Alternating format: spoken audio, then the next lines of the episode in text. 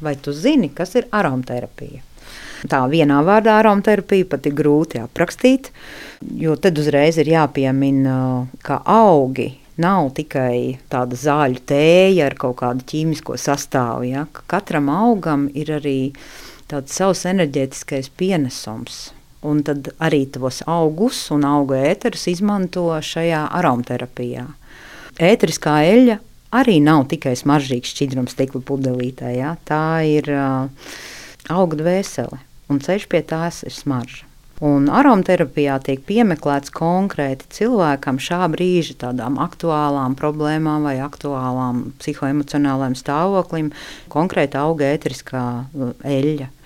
Un, um, tā aromaterapija balstās uz to, ka teiksim, cilvēkam ir vairākas daudz pudelītes ar ēteriskām eļļām.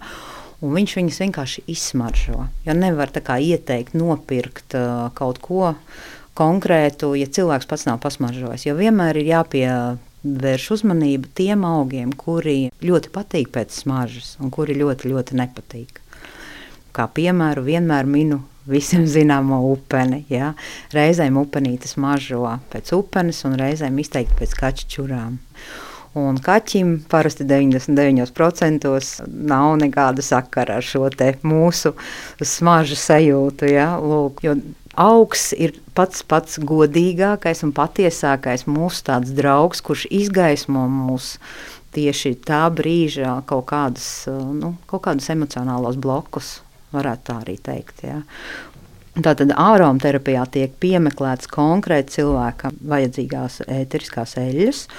Un tās iedarbojas uz mums un visu to, kas mums ir piederošs. Gan fiziskais ķermenis, sajūtas, emocijas, domas un pat atmiņās. Ja? Un spēja dzirdēt smaržu ir vienīgā maņa, kas nav pakļauta cilvēka gribai, nu, teiksim, prātam. Ja?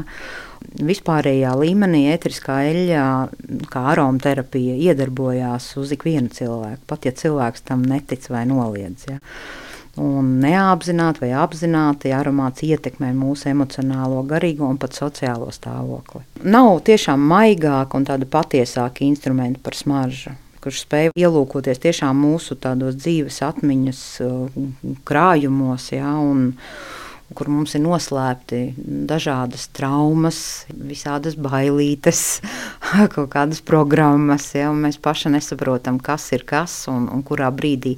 Bet smārža mums visu pasaka priekšā.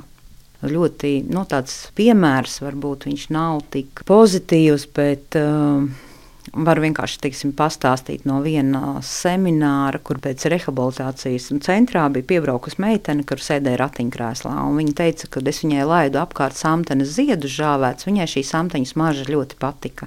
Bet, savukārt, tad, kad viņa pasmažoja šo samteņu ēterisko eļļu, tad šī eļļa izraisīja nepatiku, jā, ārkārtīgi lielu. Jā. Un, uh, paskatoties uz viņas, protams, pajautāja, kas noticis ar viņu un kad šī slimība aktualizējās. Viņa teica, burtiski daži gadi atpakaļ, ļoti strauji.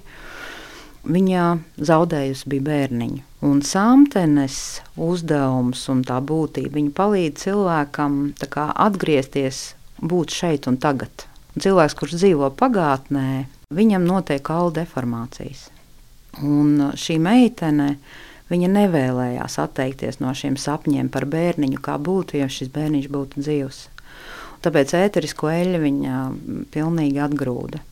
Savukārt, fiziskā plānā, protams, šī samtene viņu uzrunāja, jo pats zieds viņai patika. Jā, tā tad arī pati slimība, protams, ka viņai traucē šajā dzīvē.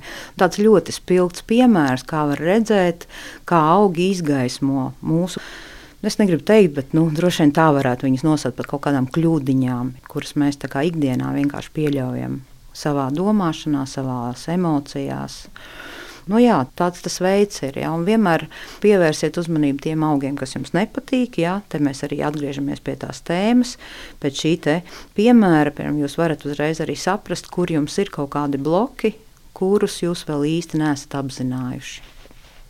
Tā ir aromaterapija. Jā. Un daudz kur Eiropā aromaterapija tiek pielietota kā komplementārā vai papildinošā medicīnas nozare. Ja, zinu, ka Beļģijā, Francijā pat slimnīcās, ja, jo nu, nevelti ir tāds teiciens, ka visas slimības sākās galvā. Un tad šeit augi tieši ar savu enerģētisko iedarbību ir mūsu ļoti labi palīgi.